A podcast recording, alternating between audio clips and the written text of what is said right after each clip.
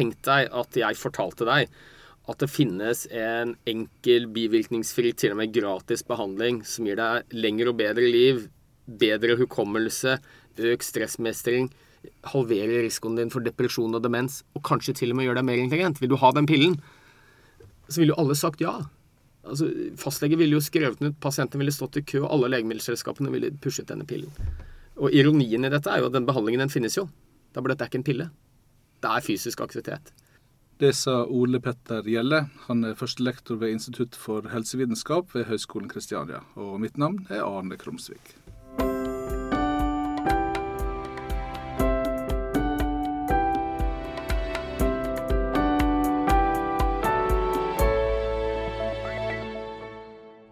Jeg hadde egentlig tenkt å bli økonom. Min far var økonom, og min onkel var økonom, og det var det. Så jeg begynte på handelsgym i eh, Oslo, på gymnaset, og jeg skjønte vel ganske fort at dette her var ikke noe for meg. Og ved en tilfeldighet så endte jeg opp eh, som utvekslingsstudent i USA, Arizona, da var jeg 17 år. Og jeg veldig glad i å løpe, så jeg var på et sånt løpelag på, på, på skolen. Og da Trenerne, han var lege ved siden av å, og, og da trene oss. Og så syns jeg det var veldig fascinerende det han fortalte om da han var barnelege. Så jeg endte opp med at jeg ble med han et par dager på jobben for å se hva han holdt på med. Og så ble jeg veldig, veldig fascinert. Og bestemte meg for at eh, økonomi, det var ikke noe for meg. Jeg ville, ville bli lege.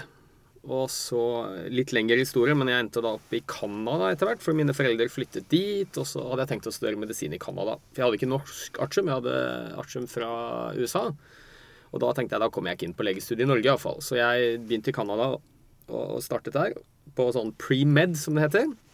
Og så så jeg i eh, på nettet eh, at eh, det var søknadsfrist for legestudiet i Universitetet i Oslo. Og så tenkte jeg nei, jeg slenger inn en søknad for, bare sånn for sikkerhets skyld. Og så endte det opp med at jeg kom inn, da, for det var en egen kvote som ikke jeg visste om, om nordmenn som hadde artium fra et annet land enn Norge. Så da begynte jeg på legestudiet i Oslo. Og en av de første undervisningsøktene vi hadde, det var med en professor som heter Per Brodal.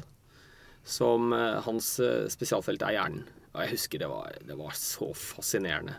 Eh, ikke bare ved alt hva hjernen gjorde, da, men også alt det vi ikke visste om hjernen. Jeg husker han fortalte en historie om sin far, sånn Alf Brodal, som har vært en nestor og har skrevet masse lærebøker om hjernen. Og, og han lærte masse om lillehjernen. Og det som fascinerte meg spesielt, var en historie som Per da fortalte om sin far, om at faren hadde fått et hjerneslag. Og istedenfor å umiddelbart kontakte helsepersonell, så hadde han skrevet litt ned hva slags symptomer han hadde, og så viste det seg etter hvert at det var i lillehjernen denne skaden hadde skjedd, og så koblet han symptomene sine mot det man så av skade, og så fant han ut nye ting om hvordan lillehjernen fungerte. Og, ja, så det var starten, da. Men når du eh, forsker på eh, hjernen, så bruker du vel andre metoder? Ja, det Heldigvis. Så jeg har forsket eh, Halvveis i studiet mitt på legestudiet så tok jeg et års pause for å, å forske.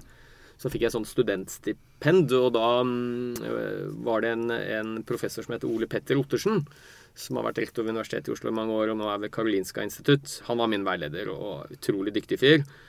Så eh, det vi forsket på, det, mm, det var på forsøksdyr da, med rotter og mus. Og, og, kort fortalt prøve å finne ut hva er det som gjør at nerveceller dør. Vi vet at de dør, og det er mange forskjellige årsaker. Det kan være hjerneslag pga. oksygenmangel, det kan være skade mot hodet i en trafikkulykke, det kan være Parkinsons sykdom, Alzheimers demens osv. Men det forskerne ikke helt vet, er hva hva er det som til syvende og sist gjør at nervecellene dør? Og det er ganske mye som tyder på at det er en sånn slags felles mekanisme. da. Selv om det er mange forskjellige årsaker til hva som starter en nervesykdom eller skade på, på, hjernen, så er det en sånn felles dødsmekanisme. Og hvis man klarer å finne ut hva er det som gjør at de dør, så kan man jo forhåpentligvis gjøre noe med det. da. Så jeg har forsket på ja, små rotter og mus. Mm. Og det, det du skrev doktorgraden på også? Ja, det var jo den doktorgraden som ble startet i 1993 og ble fullført i 2018, ja.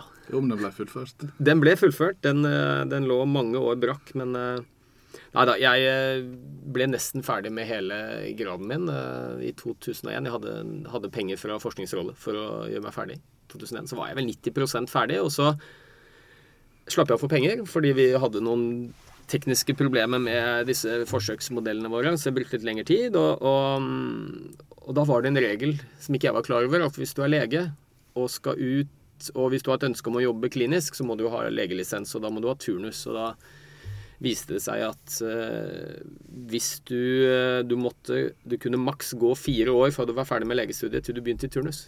Og de fire årene var omme, så da ble jeg tvunget ut i turnus, og så ja, ballet det jo på seg da. vet du, Var det andre ting, og, og jobb og familie og så, Men endelig så har jeg gjort den ferdig. Men også i, som eh, heter det utøvende lege? Ja, gjør det. Ja. ja. Så har du også eh, interessert deg for hjernen. Du har fortsatt med det?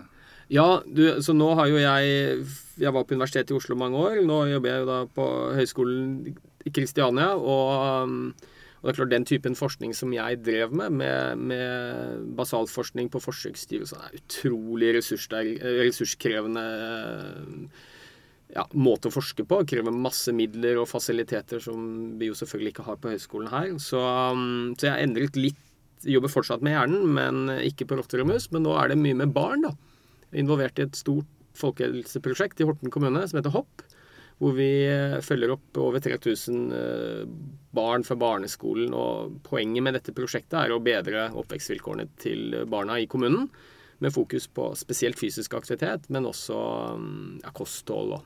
Så noe av det jeg jobber mest med nå, det er å se hvordan hjernen til barna påvirkes av fysisk aktivitet. Og det er veldig spennende. Hvordan er den sammenhengen? Nei, Det er jo litt spesielt, fordi vi har jo Vi skal ikke mer enn 30 år tilbake i tid før vi trodde ikke at fysisk aktivitet påvirket hjernen i særlig grad. Alle visste jo at fysisk aktivitet påvirket hjerte og muskler, og det er jo veldig logisk. Men det viser seg jo nå at hjernen sannsynligvis er det organet som påvirkes mest av fysisk aktivitet. Og kanskje er det organet som trenger det mest også. Så vi ser jo først i modeller på forsøksdyr, men nå senere på barn og voksne også, at eh, det å være i regelmessig fysisk aktivitet, det, det skjerper nesten alle hjernens funksjoner. Alt fra oppmerksomhet, hukommelse, stressmestring. Og, og man tror til og med at dette med intelligens det er jo et gammelt ordtak som sa at enten så har du det i huet, eller så har du det i beina. Men det er veldig mye som tyder på at det er, det er litt feil. Faktisk så er det motsatt. Eller det er, har du det i huet, så har du det også i beina, og vice versa. da. Så mye bra og robust forskning som tyder på at det aller beste du kan gjøre for eh, hjernens funksjoner, det er å bevege deg. Så hvis en tenker at en blir dum av å ligge på sofaen og se på TV, så er det ikke TV-en som er problemet? altså? Nei, Nei og så er det jo litt interessant, da, fordi eh, jeg pleier å si at uh, Tenk deg at jeg fortalte deg at det finnes en enkel, bivirkningsfri, til og med gratis behandling som gir deg lengre og bedre liv, bedre hukommelse, økt stressmestring, halverer risikoen din for depresjon og demens, og kanskje til og med gjør deg mer intelligent. Vil du ha den pillen? Så ville jo alle sagt ja. Altså, Fastlege ville jo skrevet den ut, pasienten ville stått i kø, og alle legemiddelselskapene ville pushet denne pillen. Og ironien i dette er jo at den behandlingen den finnes jo. Da blir dette ikke en pille det er fysisk aktivitet.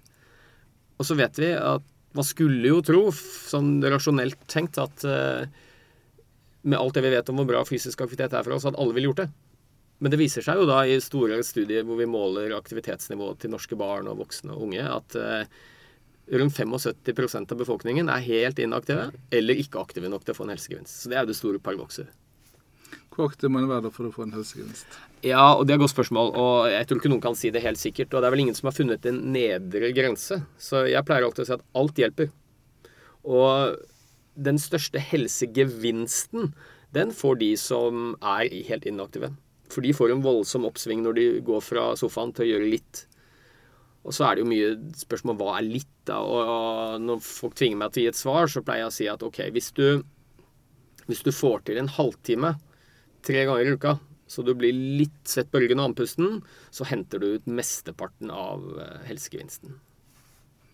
Jeg har lest at du tar med deg pasientene ut og går tur i stedet for å gi deg en pille? Ja, jeg, jeg, må jo ærlig innrømme at jeg gir jo pasientene mine piller, jeg òg, som alle andre fastleger. Men eh, i 2014 så startet jeg et prosjekt på legekontoret i Åsgårdstrand, hvor jeg jobber med to kolleger. Uh, hvor vi, vi leger er jo opptrent til å, snakke med pasientene våre om fysisk aktivitet og kosthold, røykeslutt og alt dette her, da. Men jeg tror jo at prat og snakk har begrenset verdi når det gjelder å få noen til å endre livsstil. Det må, det må noe mer til. Så jeg ble litt lei av å sitte og fortelle pasientene mine noe de visste veldig godt fra før. At det var viktig å være i bevegelse. De visste det.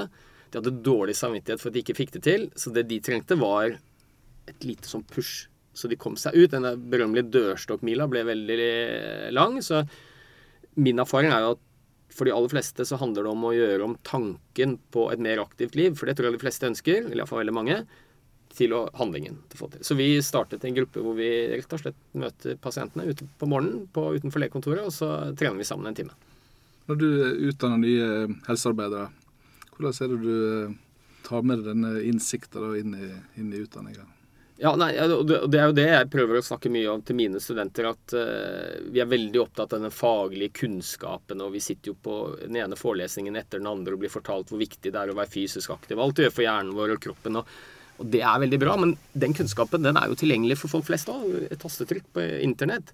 Så jeg sier til studentene mine at det aller viktigste er å, å, å prøve å ja, hjelpe pasientene over den der dørst, den terskelen, altså dørstokkmila, så ikke den blir så lang. Og da handler det ofte i praksis om å gjøre noe med dem.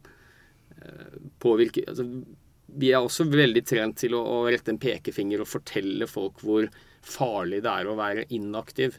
Men det vet folk flest. Så jeg prøver å si at ok, hvis du skal hjelpe noen og motivere dem, så er en pekefinger et veldig dårlig verktøy. Eh, fokuser heller på alt det positive som kan skje hvis du er i fysisk aktivitet, og, og gjerne gjør det med dem. Altså, det er det vi kaller nudge på fagspråket. Noe som ikke er en, eh, en, pekefinger, men en positiv dytt i riktig retning. Røykeloven f.eks. har vært en sånn nudge da, som har gjort at utrolig mange nordmenn har sluttet å røyke. Det var ikke noe tvang, men det gjorde det litt vanskeligere å røyke, og da sluttet mange. Og hvis vi gjør det litt lettere å være fysisk aktiv, så hjelper det. Så det er jo det ene sånn på personnivå, men eh, jeg tror den virkelig store utfordringen i Norge i dag med inaktivitet handler jo om politikk. Det handler om at vi har designet et samfunn som er veldig bevegelsesfiendtlig. Altså vi, vi, legger alle forholdene til rette for at vi skal slippe å bevege oss. Og her kommer vi også på et veldig stort paradoks, og det er jo at det organet som kanskje trenger mest fysisk aktivitet, hjernen vår, det er jo det organet vi har brukt for å designe alle disse smarte løsningene så vi slipper å bevege oss. Med rulletrapper og heis og fly og bil og Så jeg tror vi må være flinkere til å legge forholdene til rette. Altså det er fortsatt individene som må ta de gode valgene, bestemme seg for at de skal være mer fysisk aktive. Men politikerne og fagpersoner vil ikke være med på å legge forholdene til rette. Så det er lettere å ta de gode eh, valgene. F.eks. at vi bygger sykkelveier, og det er trygt å gå og sykle til jobben, og ikke bare bygger veier og parkeringshus. Og, ja, det kan være kosthold, ikke sant. Eh, gjøre noe med moms på sunn mat versus uh, usunn mat også. Det er, det er mange virkemidler så har du akkurat kommet med bok som heter 'Sterk hjerne med aktiv kropp'. Ja, den er faktisk Jeg skal hente den i dag. Den er, ble trykt i går, så den er akkurat ferdig. Og her er det dette budskapet som du kommer ut med? Ja, jeg snakker veldig mye om uh, hvordan påvirkes hjernen vår av fysisk aktivitet. Og, uh, og også dette paradokset med at hvorfor er det så få som bruker dette verktøyet når vi vet hvor bra det er? Og da, i mye av boken min så snakker jeg om evolusjonen. Vi, vi, mennesker vi hører stadig vekk at vi, vi, er laget for fysisk aktivitet. Ja, det er helt riktig, vi er det. Vi er laget for å være jegere fordi vi, vi måtte det for å overleve. Vi måtte fange maten vår. Da måtte vi løpe dyrene i senk. Vi hadde ikke våpen. Eh, og så måtte vi flykte fra fiender. Så vi er laget for å bevege oss. Men vi er også laget for å være late. Og det er jo dette paradokset, da, at uh, hva gjorde liksom våre steinalderforfedre etter de hadde fanget et uh, vilt dyr og spist det? De gikk jo ikke ut og løp fire ganger fire intervall de lå helt i ro og, og, brukte ikke en kalori. For det var jo De visste aldri når neste måltid skulle komme. Og da var det viktig å ikke med, sløse med en, energien. Så hjernen vår er bygget for å være lat ved enhver anledning hvor vi har mulighet. Og paradokset er jo da at i dag så trenger vi ikke lenger å være fysisk aktiv, for vi har designet behovet for fysisk aktivitet helt bort. Men hjernen vår er fortsatt lat, for den er ikke oppgradert på titusenvis av år. Så vi har fortsatt en lat hjerne som suger oss inn i sofakroken istedenfor å bevege oss. Når du trener, så kan du merke at du får bedre muskler, du går ned i vekt og du blir mer fit, liksom. Kan du merke denne effekten på hjernen som du snakker om, eller må jeg bare stole på det? Um, ja, det ville vært et veldig enkelt svar for meg å si bare stol på det. Men uh, det er jo masse forskningsstudier som, som, viser det at det påvirker ting umiddelbart. Altså bedre hukommelse, bedre oppmerksomhet, ikke minst. Eh, men jeg kan jo snakke for meg selv. Jeg er veldig glad i å være fysisk aktiv, og jeg merker jo det at eh, det gjør noe med min evne til å Stressmestring, konsentrasjon, oppmerksomhet. Og det tror jeg veldig mange som, som er fysisk aktive også, skal si noe om. og, og i den gruppa som jeg har fulgt opp på, på legekontoret mitt, så har vi gjort en del studier. Vi har Gjennomsnittsalderen er 65 år. 50 stykker vi har fulgt opp over ganske lang tid, over fire år. Og mange av de eh, har sykdommer. Angst, depresjon. Eh, noen har begynnende demens, høyt blodtrykk osv. Og, så og det de forteller meg, er jo at de har fått et mye bedre liv når de nå er blitt fysisk aktive. Vi kuttet bort medisiner. Så, så, det er en av de tingene jeg snakker om i boka også, at eh, fysisk aktivitet det ser folk flest på som en sånn fritidssyssel. Men det er faktisk en av de mest potente medisinene vi har i helsevesenet. Og så bruker vi det nesten ikke. Så ja, veldig undervurdert som behandling. Både som forebygging, men også som behandling. Eksempel så viser det seg jo at eh, fysisk aktivitet tre ganger i uka er et mye mer kraftfullt Eh, oppfølging av, eller behandling av demenspasienter enn de medisinene som finnes på markedet i dag, som har kostet titalls millioner å utvikle. Så det funker.